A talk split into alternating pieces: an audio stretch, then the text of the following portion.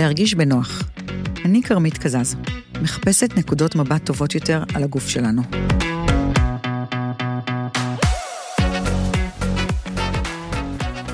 באחד הביקורים עם הבת שלי אצל הרופאה, היא ביקשה למדוד לה גובה ומשקל.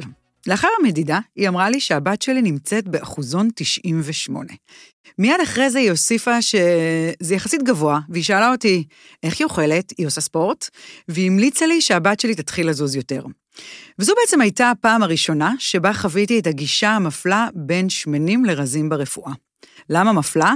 הרי אפשר לומר שזה התפקיד של הרופאה, היא אמורה להסב את תשומת ליבי למצב לא תקין.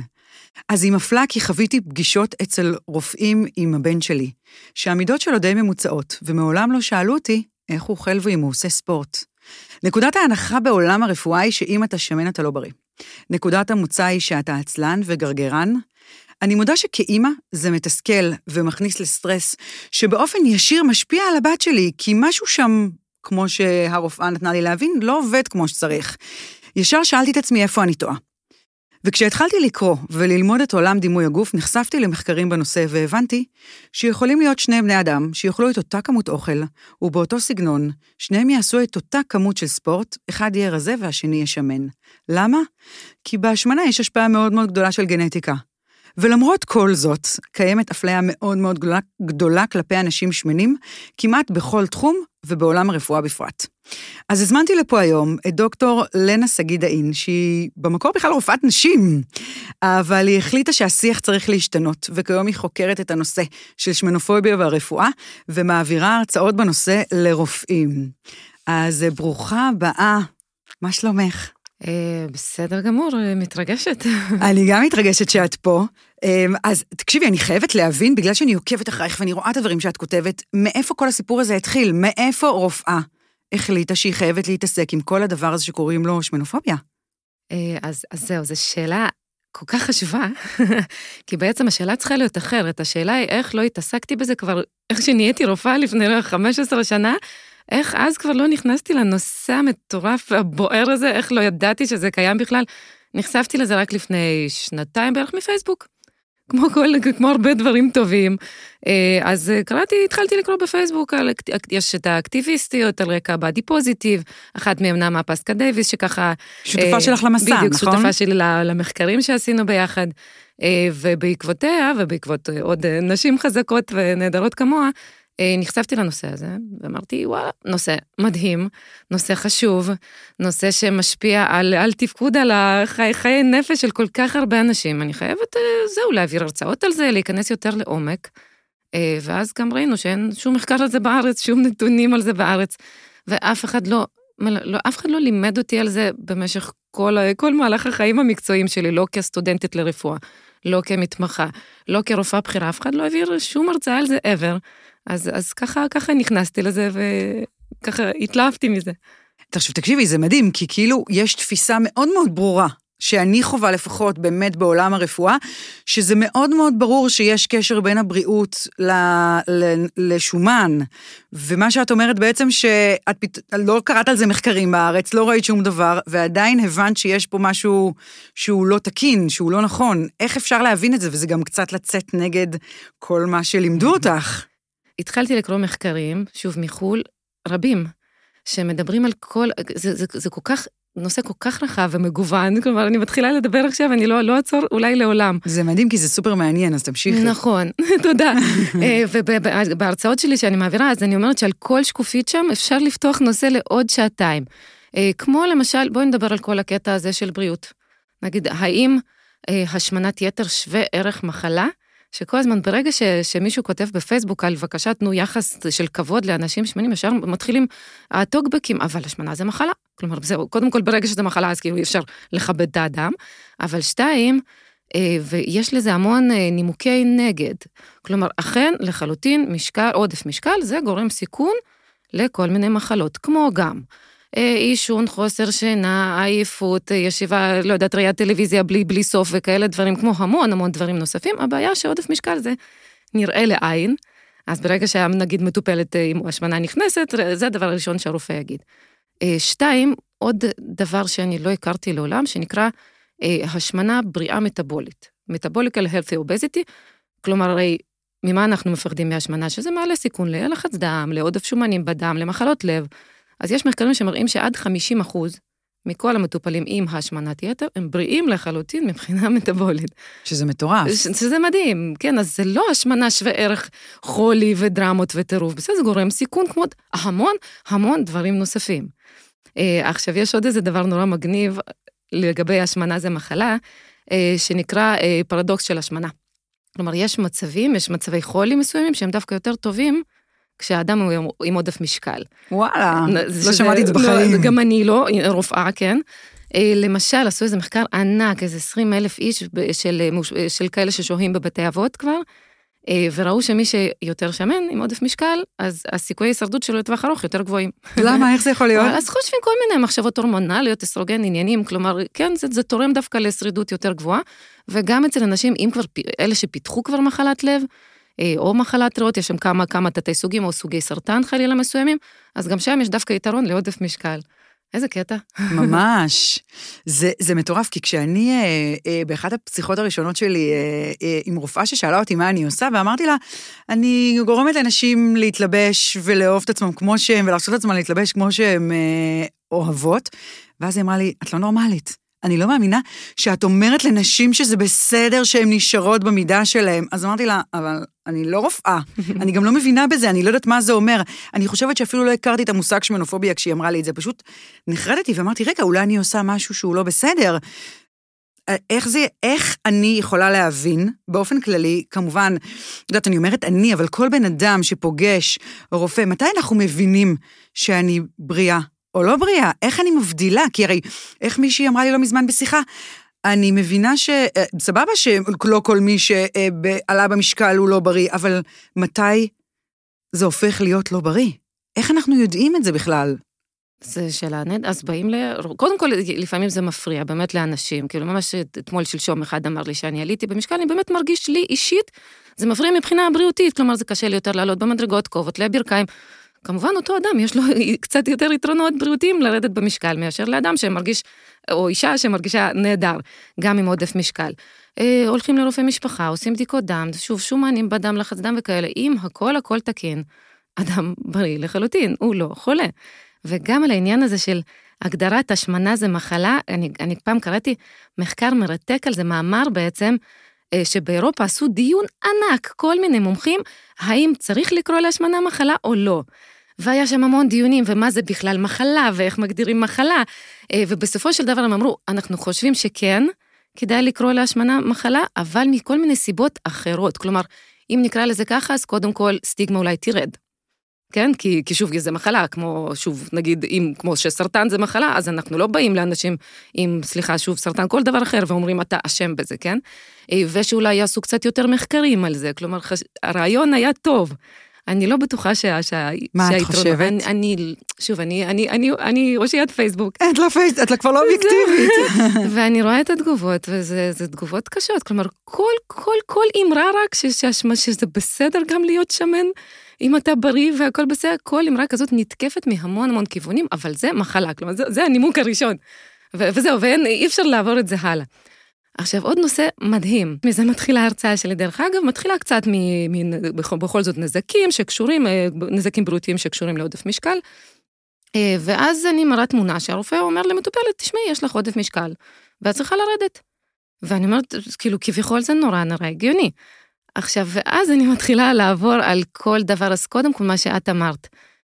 המון המון נשים אומרות, אנשים אומרים, שהרופאים אומרים להם, את צריכה להפסיק לאכול, תתחילי לאכול חסה, תמיד החסה, איכשהו מככבת חסה, כן. ותתחילי לרוץ. שזה בא, כלומר, זה מוביל אותנו מזה ששתי הסיבות להשמנה, וכתבו לי גם בפייסבוק, זה חוקי טרמודינמיקה פשוטה, זה כל כך עצבן אותי, מה זה המילה טרמודינמיקה? מה זה טרמודינמיקה? נכון, אז מה שנכנס צריך לצאת, כלומר, זה אוכל וזה כושר. ואין כאילו שום דבר נוסף, ואז על זה אני גם מביאה מלא מחקרים. למשל, מבחינת כושר, שבדקו בזמנו פעילות גופנית אצל בנות עד גיל 18, כן? בנות עם עודף משקל לעומת בנות משקל תקין, אותה פעילות גופנית לחלוטין, כלומר, שוב, זה כבר מראה על זה שיש כל כך הרבה סיבות נוספות.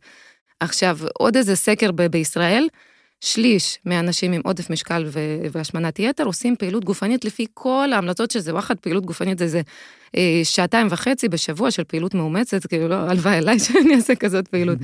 כלומר, להגיד שהסטריאוטיפ הזה שברגע שמישהו עם עודף משקל, שזה אומר שהוא עצלן ולא עושה פעילות גופנית, זה כבר, זה כל כך מוטעה ולא נכון, וזה כל כך טבוע בנו. יש איזשהו מסמך מדהים שנקרא, אה, מסמך שהוציאו כמה וכמה מומחים עולמיים, כולל מישראל, לגבי הפסקת סיום הסטיגמה הזאת על רקע עודף משקל, והם מדברים שם על עניין של מה, ש, מה נכנס, כן? אז כמובן שסוג האוכל קובע וכמות האוכל קובעת, אבל חוץ מזה, שוב, אני ואת יכולות לאכול בדיוק אותו דבר למשך חודש, והמשקל שלנו שונה לחלוטין. למה? וזה גם את התחלת להגיד. קודם כל מבחינת הספיגה.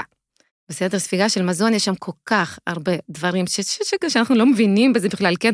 כל מיני חיידקי מעי והורמון, ו- ו- ומיקרוביום, מה שנקרא, ואותות עצביים שמועברים שם, שוב שזה דברים שונים לחלוטין אצל כל אחד מאיתנו. ומה שאמרת גם, גנטיקה ואפי גנטיקה, ולא יודעת, עם השנים ראו נגיד שכמה שכמות המזגנים עולה בממוצעת, ככה עודף משקל עולה. או מה שאימא שלנו אכלה כש, כש, כשאנחנו, כשהייתה בהיריון איתנו, כלומר יש, זה כל כך כל כך מעבר למה שנכנס צריך לצאת, שזה זה, זה, זה, זה מעצבן אותי ומעליב אותי כשאומרים ככה לנשים, כאילו זהו, בואי רק, רק, רק כאילו כושר ואוכל ואת תרדי. זה כל כך מוטעה ולא נכון. זה גם נורא מתסכל. נכון. כי לא כולם יכולים להיות באותו סקאלה של משקל, זאת אומרת, אמ, יש את ה... אתה יודע, אני, אני יכולה לתת דוגמה עליי. קודם כל, אני בחורה רזה, אבל אני לא עושה כמעט ספורט, אני מכירה אנשים אה, שמנות שעושות הרבה יותר ספורט ממני. וגם אני לא בריאה, אה, כי לי התחילה סכרת בעקבות ההריונות. וכאילו כשנשים שומעות את זה, מה, את, איך זה יכול להיות? כי את נורא רזה. ו- וזה פשוט מחזק לי את הסטיגמה, כי אני באמת רואה נשים הרבה יותר בריאות ממני, שהן אה, מידות גדולות. ועל פניו אנחנו חושבות שזה לא בריא.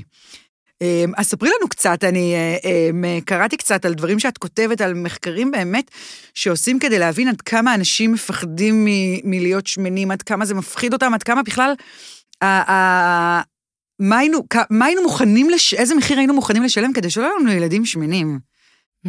כן, זה היה, יש כמה מחקרים על זה, יש מחקר אחד ש... שוואו, שכל כך תפס אותי בלב, מה שנקרא. אה, כי הרי גם כותבים הרבה פעמים, אין כזה דבר שמנופוביה. אתם המצאתם, מה מה זה השטויות האלה? כאילו, מה זה המונח הזה? אז שמנופוביה זה מונח מדעי לחלוטין, פט פוביה.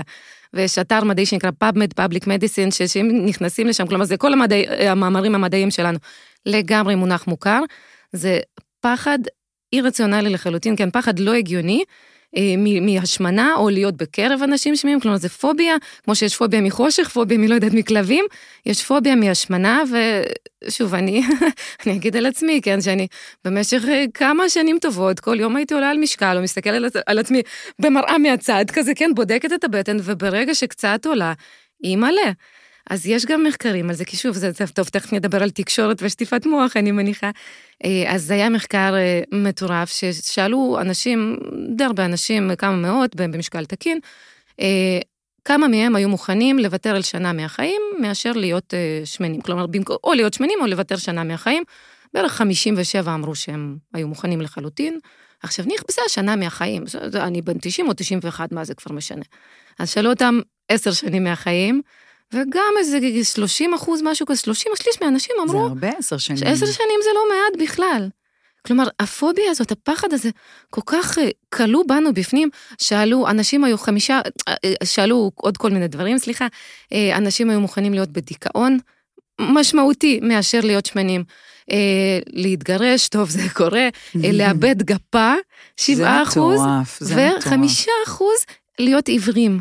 עיוורים מאשר להיות שמנים. אז כל פעם שכותבים לנו הטוקבקים שאומרים, אבל זה בריאות, זה כבר לא בריאות, הפוביה היא, היא כל כך כל כך מעבר, כלומר, אנשים מוכנים לוותר על היבטים הרבה יותר חשובים של בריאות שלהם רק כדי חלילה חלילה לא להיות שמנים. מה שהכי לא הגיוני, שיותר מחצי מאנשים בישראל וגם בכלל העולם, אנחנו במקום יחסי באמצע ככה, הם עם עודף משקל או השמנה.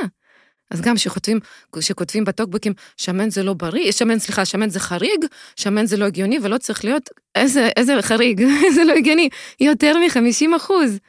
אה, עכשיו, עשו מחקר ממש מגניב בדנמרק, אה, והם הסתכלו איזה BMI אה, קשור לתמותה הכי נמוכה. אז באמת סביב שנות 1970, BMI, ה-BMI היה סביב 24, שקשור לתמותה הכי נמוכה, ואז הוא הולך ועולה לשני הקצוות. ואז הסתכלו קצת יותר מאוחר על שנות ה-90, ה-BMI כבר היה סביב 25, ואז כשהסתכלו לפני עשר שנים, אז ה-BMI, שקשור לתמותה הכי נמוכה, הוא בכלל בין 27 ל-28. כלומר, עודף משקל, הוא כבר לא נחשב בעצם עודף משקל, כאילו, כי כל האוכלוסייה הולכת ומשמינה, ואנחנו גם יודעים, מעלה במשקל, סליחה, אה, ואנחנו גם יודעים, שוב, כל גורמי הסיכון משתנים, והטיפולים והמחלות משתנות, כלומר, יכול להיות שדווקא זה ה-BMI הטוב, כלומר, אולי עדיף לבריאות שלנו להיות בעודף משקל. אך מה את חושבת על ה-BMI? אני חייבת לעבור על המחקרים שהוצאתי, יש המון המון ביקורת על עניין של BMI. יש ביקורת, כי את יודעת, אני אקבל, אה, עושים BMI בבית ספר, שקודם כל זה נראה לי דבר לא רלוונטי לבדוק את ה-BMI, אם אתם לא, כמו שאמרת, לא בדקתם את הבדיקות דם של הבת שלי, מה אתם יודעים עליה, ולבוא ולהגיד לי, הבת שלך ב-BMI גבוה, או לתת לה תחושה שהיא החריגה, אני, זה פסול מיסודו בעיניי, ולכן BMI הופך להיות לא רלוונטי בעליל, בטח ובטח שבמשרד החינוך לבוא ולהיכנס לבית ספר ולבדוק את זה, זה נראה לי מזעזע. אמ, אה, אני לא צריכה להרגיש לא בנוח, אני לא צריכה לקבל טלפון מהאימא השנייה שהבת שלה היא גם ילדה שמנה, ואומרת, גם לך אמרו שה-BMI גבוה, זאת אומרת, זה, זה לא רלוונטי נראה לי, נכון. כאילו, ולכן לי מאוד קשה עם המדד הזה. נכון. לא רק זה, בכלל, אמרת עכשיו ילדים, בכלל, כל העניין הזה של להכניס להם את האישו הזה של משקל בגיל 8, 9, 10, זה, שוב, הכוונות טובות, כן? אבל גם הדרך לגיהנום. אה, כי, כן. את יודעת, כי, כי יש הרבה, יש גם מחקרים על זה. ש, שכל העניין, כל האישו של משקל, ברגע סתם נגיד בארוחת ערב, שיושבים והאימא אומרת, אפילו על טלוויזיה, לא, או על עצמה, כן, אוי, כמה העליתי, אוי, אני צריכה לצום, אוי, תראי את זאתי כמה היא רזתה, אוי, תראי את זאתי כמה היא עלתה. הילדים שומעים את זה, וברגע שהילדים שומעים את זה, זה מעלה את הסיכון לדיכאון, לחוסר שביעות מהגוף שלהם, ולדבר הכי דרמטי אולי, הפרעות אכילה, ש, שזה זה, זה נושא גם שהוא לא מדובר מספיק. הפרעת אכילה, לדעתי, זה אחד הדברים הכי, אחד הקשים, אחת המחלות הקשות שיכולה להיות. הרבה פעמים ילדים גם מסתירים את זה ולא מדברים על זה, וקשה נורא לעלות על זה. וזה זה פשוט, זה, זה אדם שהוא נשלט על ידי אוכל, כלומר, כל מה שיש לו בראש, כשהוא הולך לישון, זה, הוא הולך לישון רעב, הוא חושב מה אני אוכל מחר, כשהוא אוכל קצת, הוא קם בבוקר, הוא חושב מה אני אוכל היום, כשהוא אוכל קצת יותר, הוא נכנס לדיכאון עמוק, וכועס על עצמו ומלכה את עצמו, כשהוא אוכל פחות, כל הכבוד לי, ואז הוא צם ולא אוכל כלום, משבש את כל המטאבוליזם שלו. כלומר, יש כל כך הרבה נזק לעניין של להעלות את נושא המשקל לעומת התועלת, ואני לא בטוחה שמישהו מדד את הנזק, לעומת נורא קשה למדוד את זה, כן? אה, אבל צריכים נורא נורא להיזהר עם זה, במיוחד עם ילדים. אז מה שאמרת לגמרי נכון. מאוד מאוד, ואני גם חושבת שבסוף, כשאנחנו מבינות שיש פה הרבה באמת עניין של גנטיקה, אני לא צריכה לדבר על זה, זאת אומרת, זה החיים שלה, זה ההתמודדות שלה, זה לא ההתערבות שלי. אמ, אבל בואי רגע נחזור רגע לדבר על השמנופוביה ברפואה.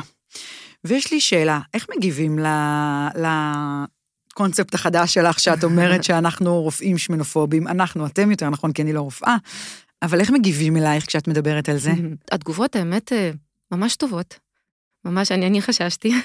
בטח, זה די, את יודעת, יש בזה משהו מאוד חדשני וקצת לצאת נגד. נכון. כאילו, הרי הרפואה הולכת בקו מאוד מאוד ברור, מהיום שאני זוכרת את עצמי לפחות.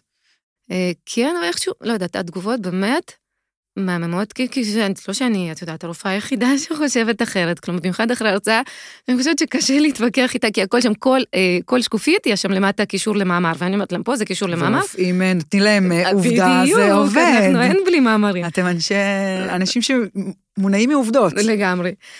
הקיצר, אז תגובות מדהימות, תגובות ממש טובות, מאוד מאוד תומכות. הייתה רופאה שאמרה שגם לה יש אתר, שהיא גם כותבת שם המון על זה. ובאמת ביקורת כלפי כאלה שמתנהלים אחרת. אה, תגובה אחת הייתה, אחת הייתה ש...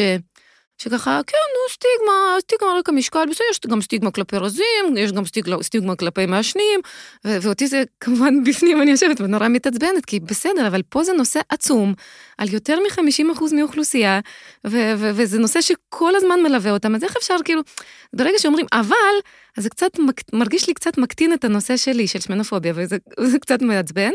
ועוד, ועוד אחד שאמר, זהו, זה שתי התגובות בעצם. וואו, זה לא הרבה, הייתי נכון. בטוחה שהיה לך הרבה יותר תגובות נכון, על זה. נכון, התגובות, האמת, מדהימות, כי באמת, זהו, לא ציפיתי אפילו כן, לכל כך אותי. הרבה הבנה, וזה מגניב, אה, ואני גאה בקולגות. אה, ואחד אמר ש... שזה כמו שהיה עם עישון בארצות הברית, שהייתה סטיגמה נגד מעשנים, ואז הם התחילו פחות לעשן, אז, אז כאילו, אז, אז לא נורא קצת סטיגמה. וזה, אני, אני סוחבת את המשפט הזה, נו, לא נורא קצת סטיגמה, ו, ואני מציגה, אני, אני מציגה שם אחת השקופיות הראשונות, זה מה אמרו לילדים עם עודף משקל, שאלו אותם מה, מה, מה קורה בבית ספר לגבי המשקל מבחינת היחס, ו, והם אמרו דברים, וואו. אה, בגלל העודף משקל אה, העליבו, הרביצו לי, לקחו לי דברים, שברו לי דברים, דחפו אותי על הרצפה, נעלו אותי בחדר, דברים שאת קוראת ואת כאילו, את כואב לך הלב, ושליש מהם אמרו שבחמש שנים האחרונות הם כל הזמן באופן תכוף עוברים את זה. אני חושבת שגם יש בזה משהו ש... אה, את יודעת, אני חווה את זה בבית. אז זה הפך לנושא רגיש אצלי. לא היה לי שום רגישות לזה לפני כן, אני מודה, לא באתי מהעולם הזה, אף פעם לא היה לי נטייה להשמנה, אז, אז וגם אני רואה את זה אצל נשים, אומרות לי, את מה את מבינה? את רזה. הן לא מבינות שכאילו, ברגע שזה בשר מבשרי, אז אני מבינה את זה פתאום, ואני רוצה שיהיה לה רק טוב. ו... וה... בגלל שאנחנו כל כך מפחדות מזה, בעיניי, אז כאילו יש איזו היסטריה סביב זה. ואנחנו כל הזמן מפחדות שאנחנו נעלה במשקל, שהילדה תעלה במשקל, שזה, ואנחנו כאילו באובססיה מטורפת על זה. ווואלה, זה שעליתי עכשיו גם חמישה קילו, זה לא אומר שאני לא בריאה, נכון? נכון, בוודאי. אבל זה לא רק הבריאה, זה גם זהו, את יודעת, כתבו, גם בטוקבוקים כותבים, כי מילא, אני יכולה להבין מאיפה באו סטריאוטיפים של אה, אנשים עם עודף משקל הם עצלנים, בסדר? כי לוקחים את זה ש... יש, תגידי, ש... יש סטריאוטיפים כן. מאוד מאוד ברורים על זה, שאני נכון, חושבת שעד נכון. שלא שמעתי אותם, ואני אשמח שתגידי מה הם. אני בכיף. אני לא חושבת שהבנתי עד כמה יש לי את הסטריאוטיפים האלו עליהם. גם אני. כאילו, גם לי, שוב, אז זהו, כל פעם אני אומרת, אומרים לי, רופאים, רופאים. רופאים הם אותם אנשים, זה לא שקיבלתי דיפלומה, וכל הסטריאוטיפים נופלים לי, נכון. יוצאים לי מהראש, כן? אנחנו גדלים על זה, אנחנו רואים את זה כל הזמן בתקשורת. אז זה היה מאמר גם נהדר גם על זה, שניסה לסכם את הסטריאוטיפים שנשפכים עלינו מתקשורת, מכל מיני אתרים. אה, אז זה היה באמת, וניסיתי גם להבין איך נוצרים הסטריאוטיפים, כמו על כל דבר אחר, לא יודעת, אה, האמריקאים הם לא יודעת אה, משהו, ואלה קמצנים, כלומר, יש סטריאוטיפים על המון דברים. אז לוקחים משפט נכון, בסדר שנגיד אם לא עושים בכלל פעילות גופנית ואוכלים לא בריא, זה יכול לגרום לעודף משקל, בסדר, סבבה? אבל אז זה הופך, זה כמו בפסיכומטרי, אז זה הופך לכל אדם שמן עצלן, כל אדם שמן הוא אוכל לא בריא, ולכן, כדי לרדת במשקל צריך רק, רק כל כך פשוט, רק שמה שאומרים, ייקח את עצמו בידיים, ויתחיל כבר אה, לרוץ ו- ולאכול בריא, ולכן, שוב, כל מי שלא זה, הוא פשוט עצלן. בסדר? אז, ומבחינת הסטריאוטיפים, אז אלה באמת הבולטים, אז הסטריאוטיפים, תכף אני אנסה להיזכר ככה ממש בבולטים, אז אחד באמת היה שכל האנשים השמנים הם עם עודף משקל, אני אמשיך להדגיש את זה, כל האנשים עם עודף משקל או השמנה הם עצ, אה, עצלנים ולא עושים ספורט, שזה שוב, זה סותר לחלוטין את מה שדיברנו בתחילת ההרצאה.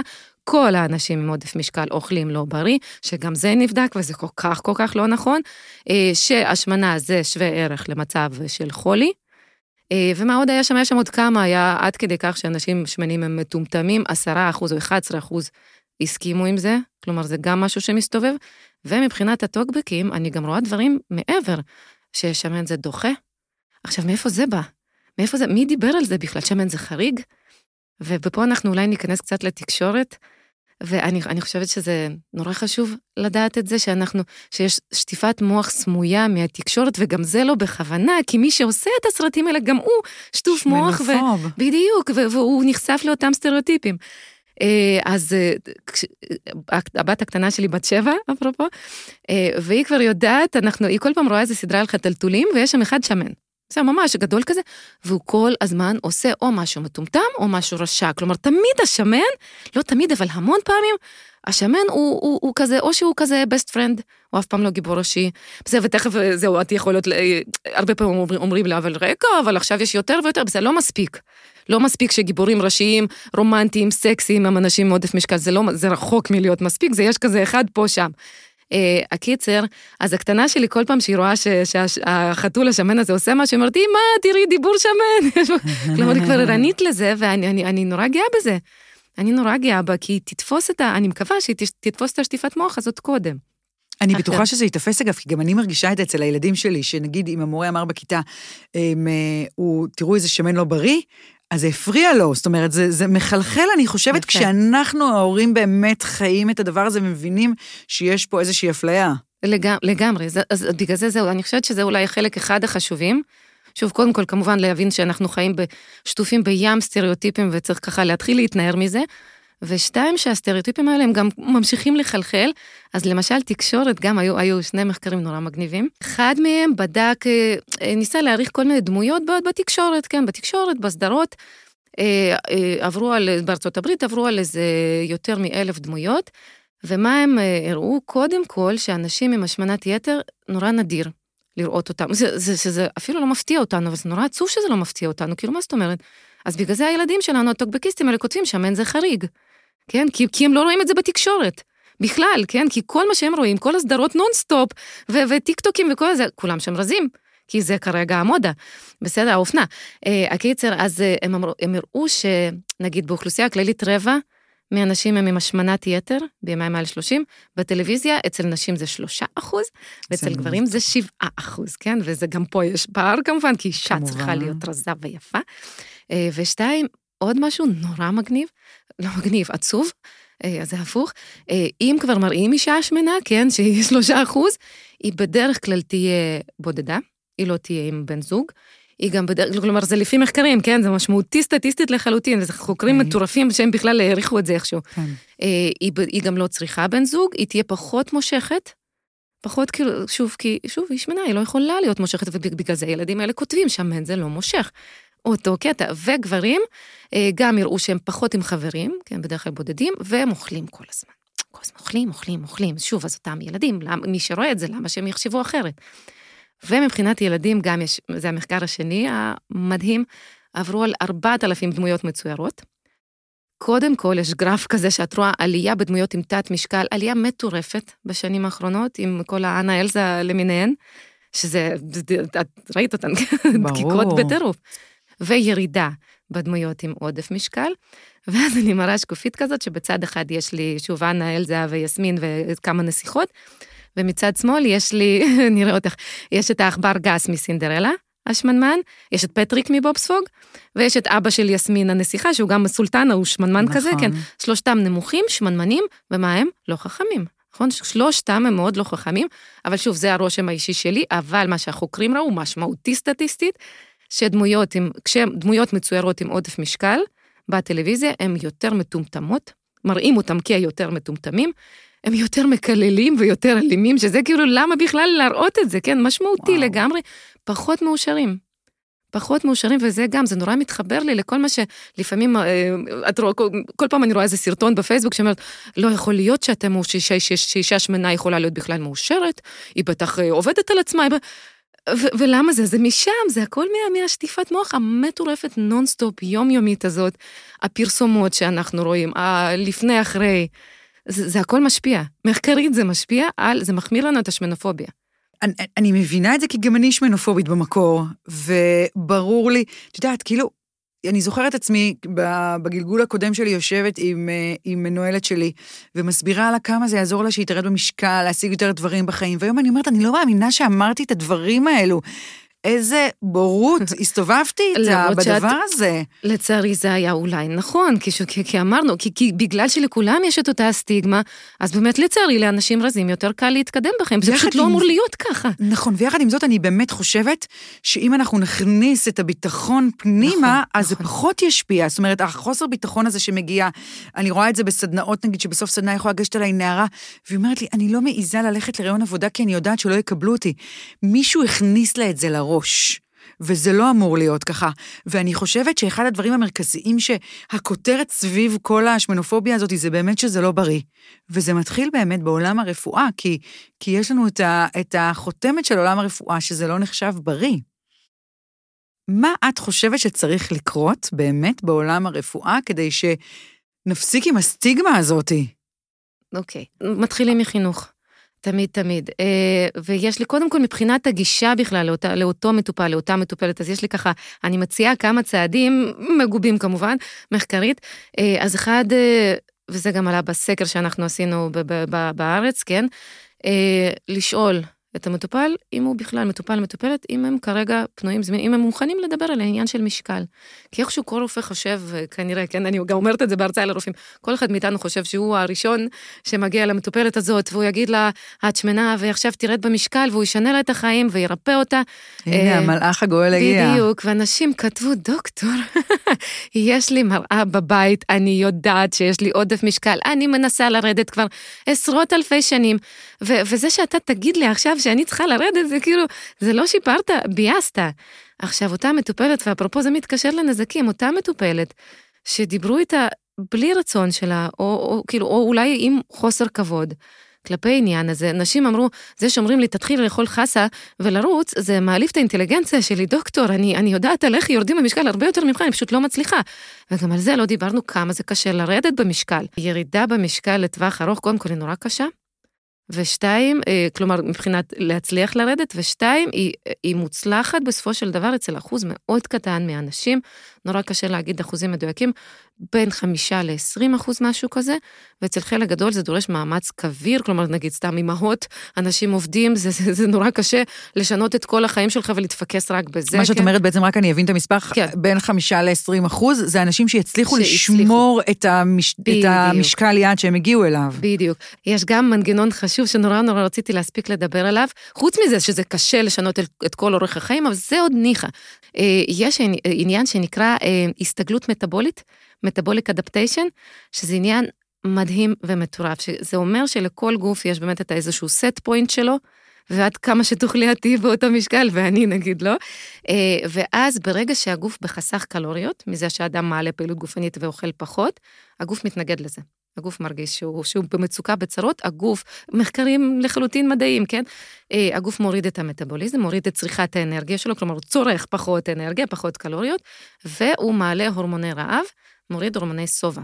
כלומר, אותו אדם, כדי להישאר באותו משקל לאורך זמן, אותו אדם שמנסה לשנות את הסט פוינט, הוא צריך להיות רעב כל הזמן, או כאילו לפחות רעב חלקית, אה, והוא צריך לעשות כל הזמן יותר ויותר כושר כדי, לש... כדי לנסות להישאר על אותו משקל אפילו קטן שהוא הצליח לרדת. ויש מחקר גם, אני מראה, לרדת בגדול.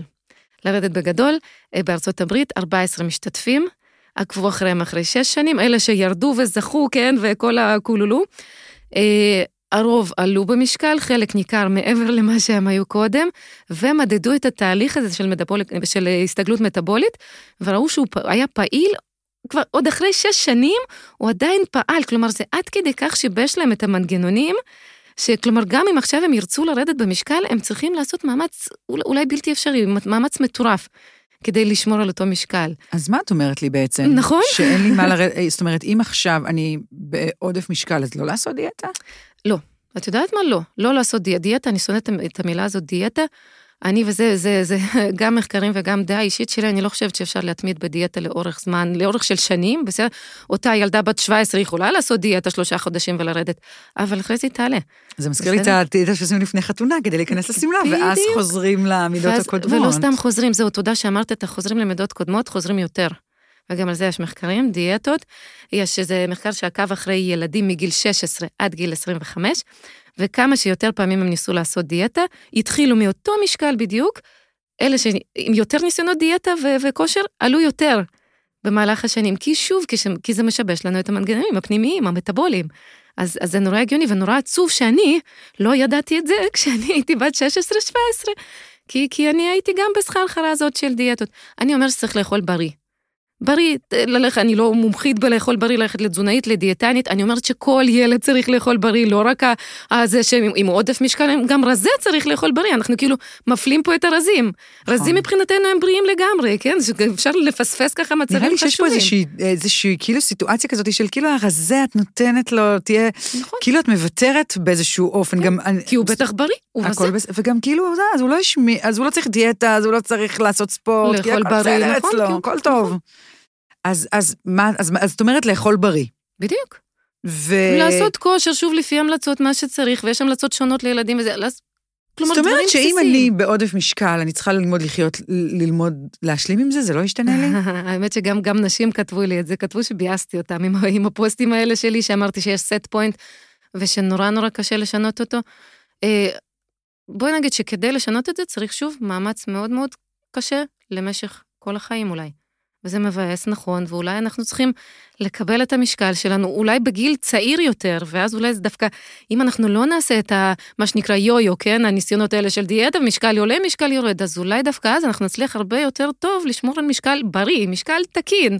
זה משקל סביר, בסדר, גם עודף משקל, שוב, יש מחקרים שמראים שדווקא עודף משקל הוא עכשיו קשור לתמותה יותר נמוכה. כי קודם כל, אני נכון. חושבת שרובנו... אה, עושים, אם אנחנו הופכים לתזונה לבריאה יותר, זה באמת הרבה כדי לרדת במשקל, ופחות אנחנו לא עושות את זה באמת בשביל, אה, בשביל הבריאות. אה, אבל את יודעת, מדברת על ה set point, אבל ה set point משתנה. זאת אומרת, אני אחרי לידה, יש לי כבר נקודת set point חדשה, ובגיל המעבר זה עוד פעם משתנה. נכון. איך אני מבינה שאני ב set point שלי ולא סתם... לא, לא בנקודה שאני אמורה להיות. אז שוב, אנחנו לא צריכים בכלל להיות, זהו, אני לא רוצה set point, לא רוצה דיאטה, לא רוצה משקל בבית, רוצה פשוט, שעד, פשוט, לא פשוט, כן?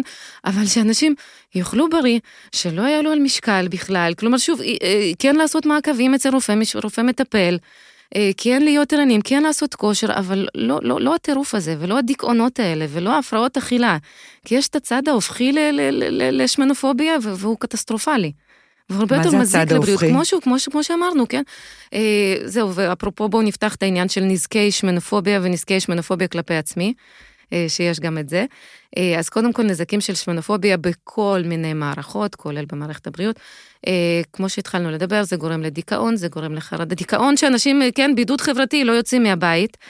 אה, והפרעות אכילה שכבר אמרנו, זה הפרעה חמורה, כאילו אפשר למות מהפרעות אכילה, נכון. עד כדי כך. ו- אגב, ו- הפרעות אכילה, רק בוא נגיד, הרבה פעמים, לפני שהכרתי את העולם הזה, חשבתי שהפרעת אכילה זה באמת אנורקסיה, אבל יש הפרעת אכילה של אנשים שמנים גם, זאת אומרת, זה לא, זה לא בהכרח שאתה אנורקסית או בולמית, יש הפרעות אכילה כשאתה שמן גם. בהחלט, נכון, נכון, לגמרי נכון. אה, וזה שוב, וזה, וזה קטסטרופה. כלומר, הפרעות אכילה זה ממש סכנה לבריאות. ואני מכירה, מכירה כמה, ובזמנו הייתי על הגבול בעצמי פעם פעם, וזה זה, זה, זה נורא. אני זוכרת את השנים האלה כמאוד מאוד קשות לי. אה, הקיצר, אז מה דיברנו? נזקים. אה, שימוש בחומרים, כל מיני חומרים אסורים, מסוכנים, סמים, זה, זה גם עולה כשאותו אדם חובש מנופוביה, עלייה במשקל כשאותו אדם חובש מנופוביה. מה זאת אומרת? כשאני אה, שמנופובית אני עולה במשקל? אה, לא, כשאת חובה נגיד מהצד, אה, כשאת מהסביבה כאילו. בדיוק, אז אוקיי. גם היה מחקר על ילדים, כמה שהם חווים יותר, יחס מעליב. וזה אפרופו לא מזמן היה איזה סרטון ב... של איזה יוטיובר נורא מפורסם שאומר כן שמנים כאילו זה אבל זה לא בריא ואתם צריכים בואו בכל זאת אתם צריכים לרדת ותעשו ספורט וזה. ילדים שרואים את זה מבחינתי זה, זה הם חווים שמנופוביה באותו רגע ילדים עם עודף משקל שזה מבחינתי מעלה אותם במשקל. לגמרי, ו- וגורם להפרעות אכילה וכל זה, כי שוב, כי ילדים גם לא, הם לא יודעים, ילדים גם גדולים לא יודעים באמת, כאילו, מה זה לאכול בריא, לא כל אחד מאיתנו הולך לתזונאית, גם אני בחיים לא הלכתי, כן? אז הכל זה כזה, מה שתפסנו, מה שאנחנו יודעים, ונכנסים לדיאטות כסח. אה, עכשיו, מבחינת מערכת הבריאות, נזקים של שמנופוביה במערכת הבריאות, יש שם עוד כמה דברים ייחודיים, אה, מעבר למה שדיברנו. אה, כי אחד מהרופאים פעם אמר לי, אני מעדיף לפגוע ברגשות של אלף, אבל להציל חיים של אחד. בזה שהוא אומר לאותו מטופל שהוא שמן והוא צריך לרדת. אה, ואז אני לא צודק. אמרתי, והוא לא צודק, כי זה לא סתם לפגוע, זה לא לפגוע ברגשות, בוא. אה, אה, היו הבחנות שפוספסו במשך שנים, כי הכל יוחס לעודף משקל. ובסקר שעשינו גם, עכשיו זה נורא קשה לכמת את זה מחקרית, כי מה זה פוספס ומתי התחיל, אבל דיווחו על המון הפרעות, והבנתי שהיה עכשיו פרק של גרייז אנטומי על זה, גם שפוספסה איזה הפרעה כי, כי היא יוחסה רק לעודף משקל. אה, כל מיני מחלות אה, הורמונליות, כן, פעילות בלוטת התריס וכל מיני כאלה, אנדומטריוזיס שפוספס, אישה עם בה שבאה עם כאבים, ואמרו לה לא, זה הכל על רקע עודף משקל, לא אישה, נשים ברבים. אה, מחלת לב, אי ספיקת לב, לאישה, אני זוכרת בת 36, שכל הזמן אמרו, לא, לא, הכאבים שלך זה מעודף משקל, תרדי במשקל סרטן. אחת מהנשים שסיפרה על מקרה של סרטן, שגם אמרו לה, לא, לא, לא, זה לא קשור, זה לא קשור. עוד כל מיני, מחלה גנטית של עודף שומן בדם, המון המון מצי שברים, אה, נקעים וכאלה, הכל לא, זה עודף משקל. וזה מה שאנשים כל הזמן אמרו, אני נכנסת, מה שהרופא רואה, זה את המשקל. כל הזמן כתבו גם, משפט שחזר על עצמו, יש אדם מאחורי השומן הזה, יש אדם מאחורי המשקל, תראו קודם אותי, ואחרי זה את המשקל כחלק מכל מה שאני, כגורם סיכון מסוים, אבל יש עוד כל כך הרבה. אה, עכשיו, וכתבו המון, גם עוד השלכה רפואית לחלוטין על בריאות. אנשים, 40 אחוז מהאנשים כתבו בסקר שלנו שהם נמנעים מלהגיע לבדיקה רפואית נדרשת, אה, מחשש ל, ליחס לא מכבד, על רקע עודף משקל. כלומר, אנשים לא מגיעים לבדיקות, לא מגיעים לבדיקות סקר, ממוגרפיה ופפסים, ולא מגיעים לבדיקות סקר, כי בגלל היחס הלא מכבד. אז זה לא סתם לפגוע ברגשות, זה, זה כל כך מעבר. ומה שאת אומרת, זה, זה, זה בארץ, זאת אומרת, זה לא משהו שאת מביאה מחו"ל, זה דברים שקורים פה לידינו. לגמרי. אוקיי. ו, ו, אז מה, מה אני אמורה לעשות? זאת אומרת, כשאני מגיעה לרופא, מתי אני מבינה שהיחס הוא יחס שמינופובי ואני אמורה... אה, מה אני בכלל אמורה לעשות עם זה? בואי נשאל את זה ככה, מה אני אגיד לרופא אתה שמינופוב? מה אני עושה פה? אז תשמעי, זה נורא עדין. זה, כלומר, לא עדין, זה הגבול הוא נורא עדין, כן? כי... כי יש גם אנשים, ויש אנשים בארץ ובחו"ל שכתבו לנו, אני כן הייתי רוצה שידברו איתי על המשקל, שאני כן רוצה שיעזרו לי, אני כן, כן הייתי שמחה שייתנו לי כלים פרקטיים, לא חסה וזה, כן, תתחילי לאכול חסה, שייתנו לי כלים, שיפנו אותי, זה לא ש, שאסור לרופאים לדבר על זה בכלל, אבל כן להבין, קודם כל, ללמוד את המטופלת, להבין, יש כאלה שאמרו, אני, אני רצה חמש פעמים בשבוע, אני אוכלת רק בריא, הרופא נראה פי שמונה שיותר שמן ממני, ואומר לי, את צריכה להתחיל לעשות כושר. כאילו, לא, תשאל אותי קודם, אולי אני כבר עושה כושר, אולי אני אחרי ניתוח קיצור קיבה, אולי מי שכתבה, אימא שלי נפטרה מניתוח קיצור קיבה, אז אני בחיים לא עושה את הניתוח הזה. כלומר, קודם כל, להכיר את מי שמולך. להבין האם הוא מוכן לדבר על זה, ואם הוא לא, זה זכותו לחלוטין שלא, זכותו לחלוטין לסרב. גם יש עוד בעיה. יש נגיד שיטה שנקראת motivational interview, כלומר רעיון אה, שנותן מוטיבציה, כלומר זו שיחה מאוד ארוכה עם מטופל, שבאמת יראו שזה יכול לעזור לו לרדת במשקל לטווח ארוך, אבל מאיפה יש לנו את הזמן לזה, כן? 12 דקות רופא נשים בקהילה. שאמור תוך כדי זה לתשאל את המטופלת, לבדוק אותה, להסביר לה, וגם על הדרך אה, לתת את ה-motivational interviewing הזה לא יקרה. אז השאלה, מה עדיף, לזרוק את זה, את שמנה תרדי במשקל, והאישה הזאת תלך הביתה ולא תחזור עוד חמש שנים mm. לרופא. שזה גרוע. שזה גרוע, או אולי, או לגשת בצורה מכבדת, לשאול אם היא רוצה לדבר על זה, אם כן אולי להפנות אותה למומחים, ולא לעשות את זה ככה קצר ועל הדרך. אז, אז, אז זה, זה, זה מורכב ועדין. עכשיו, יש, תשמעי, יש הערות מעליבות. שנאמרו לאנשים, נשים. בסקר שלנו, אני כבר אגיד, הסקר שלנו בארץ, ענו 1,700 אנשים, מתוכם 96 אחוז היו נשים. בגלל זה אני ככה, כן. אני מחליקה כל הזמן לאישה. אה, אז יש דברים ש, שזה לא, כאילו, כלומר, זה לא גבול הדין, יש דברים שהם במפורש פוגעים ומעליבים. אני ככה אנסה לתת כמה דוגמאות. אה, קודם כל, דוגמה שחוזרת כל הזמן, בשואה לא היו אנשים רזים, לא, לא היו אנשים שמנים, שזה איכשהו, כמה אנשים אמרו שנאמר להם את זה, כלומר, כעדות לזה שאם אתה רוצה, אז אתה יכול להצליח לרדת במשקל, אתה פשוט צריך לא לאכול כמו בשואה, משהו, אני משפט... אני בשוק. זה, חכי.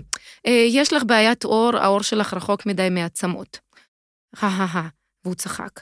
אה, זה, זה, זה מה שאחת אנשים, זה בדיחה כאילו? של רופא. עכשיו, אני, זהו, אני גם אדגיש את זה, זה לא רק רופאים, בכלל, בכלל אנשים כתבו, אנשים כתבו, שזה כולם, צוות המטפל, אה, אחיות, מזכירות רפואיות, טכנאי הדמיה, עובדות סוציאליות, פסיכולוגים, דיאטנים, אה, וסליחה פה על זכר נקבה, לא משנה, זה מתייחס לכולם.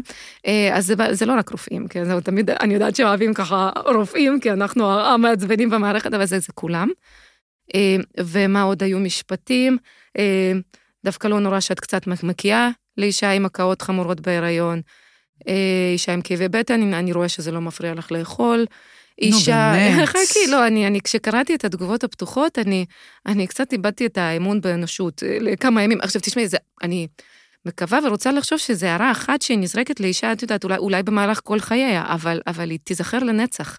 כלומר, זה לא שכל יומיים אומרים את ההערות האלה, אבל, אבל מישהו, מתישהו אמר את זה, זה, זה נורא. זה כבר, אם מישהו אומר את זה, אני חושבת, סורי קולגות, אני חושבת שצריך להתלונן. כלומר, זה, זה דבר שלא צריך להיאמר למטופלת או מטופל לעולם. שהרופא שלך יהיה רגיש אליך ולא יצחק עליך. אה, נראה לי נכון. זה האלף-בית. אז, אז מה, מה אנחנו כן, אני מנסה לחשוב מתוך זה, כי אם מחר אני הולכת לרופא, אני מקבלת, אה, אה, אני, אני מה אני אמורה להגיד? כאילו, הוא אמור לשאול אותי, אני אמורה לשאול אותו, אולי אנחנו צריכים להגיד, אוקיי, אז אם את רוצה לשמוע על זה, אז את תשאלי את הרופא איך לעשות את הדבר הזה. וגם חשוב לי שתתייחסי באמת לנושא הזה של ילדים, כי זה כל כך כל כך רגיש. כי אנחנו באמת אה, רוצים בשבילם את הטוב ביותר, ואנחנו לא יודעים מה נכון ולא נכון בסיפור הזה שאנחנו פוגשים את עולם הרפואה. אה, נכון, וואו, נושא ילדים זה נושא גדול. רגע, אז קודם כל שוב, אז נתחיל מזה, מה, מה אני עושה כשאני באה לרופא? כן, נגיד אני באה לרופא, אז מה, אז, אז לשאול אותו על זה, לחכות שהוא יגיד לי? אני הייתי שמחה שהרופאים כן ישאלו. כלומר, יש דרך, דרך לגשת לאותה מטופלת, שזה זה, זה תפקיד של רופא. לא תפקיד של, של האישה להגיד, רגע, דוקטור, בוא, שכחת פה משהו. כן. כלומר, להגיד, תשמעי, יש פה, אני רואה שאת בעודף משקל, אני רואה שהבימי שלך עלה, וגם אני מדברת עם הרופאים, יש גם דרך להגיד, כלומר, להגדיר את המצב, כן? לא שומן, שמן, הגלגל ענק וכאלה, זה BMI, משקל, משקל לא בריא, אפשר, אפשר, יש דרכים לנסח את זה בצורה טובה. האם, תרצי, האם תסכימי שנדבר על זה עכשיו כמה דקות? כן, כן? זה לא, היא לא, לא תיעלב? לא. אה, אז לא, אני, אני מניחה, אני רוצה לחשוב שבגישה כזאת, היא לא, היא, כלומר, הרבה פחות סיכוי שהיא תיעלב, כי הוא שואל אותה, הוא מבקש את רשותה, הוא או היא, לא משנה. כלומר, היא, יש לה את השליטה כרגע, יש, לה, יש את הכבוד שהוא פונה אליה כבן אדם, מעלה את הנושא, ואם היא לא רוצה לדבר, היא תגיד לו, דוקטור, אני מצטערת, זה נושא קשה, לא עכשיו. Okay. אולי אוקיי. בפעם אחרת. כלומר, גם, גם אנשים, הם לא, את יודעת, לא ננעלות. אז ברגע שמישהו בא עם כבוד, היא גם מרגישה שיתייחסו אליה, שראו אותה, ולא רק את, ה, את המשקל. זאת אומרת, מה, שאנחנו, מה שאת אומרת בעצם זה שאם את מרגישה לא בנוח שהרופא מדבר איתך, או מתחיל אפילו שיחה בלי לבקש את רשותך, זכותך להגיד, אל תדבר איתי על זה עכשיו. זאת אומרת, אל תימנעי מבדיקות רפואיות, פשוט תגידי, עם עצמך שזה לא נעים לך. כן, לא, אני, אני הולכת להסתבך עם הרבה קולגות עכשיו, אבל כן, כן, כי שוב, כי מי, שפה, מי, מי שאמור להיות במרכז העניינים זה, זה מטופל והמטופלת בסופו של דבר, ולא רופאים. נכון. אה, אז אה, סורי. אה, ואם האישה רוצה לדבר על זה והרופא לא דיבר על זה, אז גם, כי שוב, כי גם הרופאים קצת לא נעים, ואנחנו לא מדריכים כל רופא מה בדיוק להגיד, כן, אני בחיים לא עברתי הכשרה איזה תזונה אישה צריכה לאכול, ו, ו, לא ואיזה כושר צריכה לעשות. זה, נכון. יש פה איזה דעות לכאן ולכאן. נכון, אבל שוב, אם האישה רוצה שהרופא ידבר, אז כמובן לשאול, וכמובן, ולפחות לבקש הפנייה לגורמים שבאמת מתעסקים עם זה, בוודאי, בהחלט שכן. ומה את חושבת שאני צריכה לעשות כשאני באה לרופאה והיא אומרת לי שהבת שלי נמצאת ב-BMI לא תקין? זה שזה, תכף אני אחשוב עם עצמי איך אני מנסחת את זה. אה, לא, אני חושבת ש, ש, שאת יכולה להגיד שאני מודעת לזה. היא אוכלת בריא לחלוטין, היא בריאה, היא עושה כושר של, בסיסי של מה שצריך, ו, ואני חושבת שהיא לא צריכה מעבר. ושבכלל הייתי שמחה שלא לא נעלה את נושא המשקל אה, מולה, לפניה, כי אני לא רוצה להכניס לה את הסיפור הזה לראש כבר בגיל הקטן הזה. שבואי, אמרו, אומרים להם, זה לא שהם לא מודעים לאיך שהם נראים. העולם, אה, נורא. חבל שאתם לא רואים את הפרצוף של לנה המבואס שיצא כן. לה עכשיו, אבל, אבל זה קורה. אז אה, מה, הכי חש... מה, מה החלום שלך? וואו, חלום שלי, חלום ממש גדול, הלוואי. אני רוצה שיהיה גוף בארץ, גוף שאחראי על זה, גוף למניעת שמנופוב, סטיגמה על רקע משקל. אני רוצה שכל פעם שיצא איזה סרטון מטומטם של איזה יוטיובר שאומר, נו, פשוט תרדו במשקל, זה כל כך קל, הנה, אני ירדתי ומראה איזה שריר קטן שלו שם. אה, אני רוצה ש... לא יודעת, שיורידו את הסרטון, שיהיה לו איזה קנס מצידי כספי. אה, שכל פעם שבתקשורת, באיפשהו שיש איזה שמץ של שמנופוביה, שיפנו אליהם, שיתקנו את זה, שיבקשו סליחה, אני רוצה שנשים לב ונדע שזה קיים, כמה נזק מטורף זה עושה, ויאללה, ושנתמודד עם זה, ולא נכניס לילדים שלנו את כל הסרטים האלה והפרעות אכילה. זהו, זה יצא לי אני מסכימה איתך, כי יש בזה משהו מאוד מאוד מכיל ומקבל, ובסופו של דבר, כמו שאני מצפה שהילדים שלי יכילו כל בן אדם כמו שהוא, גם בן אדם, שבאמת, אני מסתכלת נגיד על, ה, על הקהילה הלהט"בית, שעדיין חווה הרבה מאוד קשיים. נכון. אמ, ו, ואם, וכמו שאני רוצה שהם יקבלו אה, את הנטייה המינית של כל בן אדם, אני רוצה שיקבלו כל אחד גם איך שהוא נראה ולא, ולא ירדו עליו. אז איפה אפשר עוד לקרוא אותך? איפה אפשר עוד לשמוע? כי אני חושבת שאת מרתקת ואת מביאה מחקרים מעניינים, וכל מי שאוהבת מחקרים, תעוף על מה שאת כותבת ומה שאת עושה. ובכלל, כאילו, איפה אפשר לשמוע אותך? אה, אז טוב לשמוע. לא, אמרת שיש הרצאות. אה, נכון, נכון. לא, קודם כל, אה, פייסבוק. פייסבוק, איך, לנה שגיא דאין, באנגלית, נכון, אני, כן, באנגלית, לנה, S-A-G-I, זה החמוד ששאלת אותי איך את כתובה באנגלית בפייסבוק. נכון, לא זוכרת כבר. אז אני, שוב, סתם, זה סוג של תחביב, תחביב שהופך לא, לא למקצוע, אבל לתחביב שממלא אותך יותר ויותר. שממלא בטירוף. אה, אז אני כותבת שם כל פעם שיש איזה מחקר מעניין שאני רואה, כל פעם סטיגמות וזה, אז אני כל פעם מוצאה איזה משהו מוזמנים בכיף. אה, הרצאות גם אפשר לפנות אליי דרך פייסבוק, אני נורא אבל ההרצאות הן לרופאים או לכולם? אז הרצאות הן יותר לצוות המטפל, כי יש שם חלק גדול על איך לגשת למטופל עם עודף משקל, אה, אבל יש גם המון המון על, על תקשורת, על הנזקים של סטיגמה, על אותם ילדים, כלומר, זה, זה, אני חושבת שזה מתאים, יכול להתאים לכולם. אז כאילו, בכיף. או שאני אעשה את זה ביוטיוב ופשוט זה פתוח לכולם. פשוט תפתחי את זה, אני נכון, חושבת כאילו שזה באמת מידע שכולנו צריכים לקבל אותו. וואו, תקשיבי, את מרתקת ואת מעניינת ואת מביאה דברים כל כך כל כך כל כך חשובים, ואני אני, אני רוצה שכל אימא ואישה וגם גבר נכון. בסופו של דבר ישמעו את הדבר הזה ויבינו, ואני באמת מאמינה שלאט לאט זה יחלחל ויעבור הלאה. מה אני אגיד לך, אני מאחלת לנו עולם אה, ורוד יותר, זה לא יהיה ורוד, כי זה הרבה יותר מורכב, אנחנו פה סך הכל ב, בסביבה של נפתחה ולמדה להכיל את זה, אבל המטרה, אני חושבת שכל אחת תבוא ותיכנס ותלמד להכיל את זה גם מהמקום שלה. אה, אז קודם כל, תודה לכל מי שהאזינה לפגישה שלנו ולשיחה הכל כך חשובה הזאת. וכמובן שאם נהניתן, אז אתן מוזמנות לכתוב לנו ולשתף את זה. ואנחנו, אתם יכולות לשמוע את הפודקאסטים גם באפל פודקאסט וגם בספוטיפיי, ואנחנו נשמח אה, שתפיצו את זה הלאה, כי זה באמת, באמת, אני חושבת שבדם של שנינו הפך להיות אה, הדבר הזה שקוראים לו שמנופוביה. אז אה, תודה רבה לך. אה, תודה רבה לכם, ולך ולכם, ותישארו בריאים. אמן. להתראות. להתראות.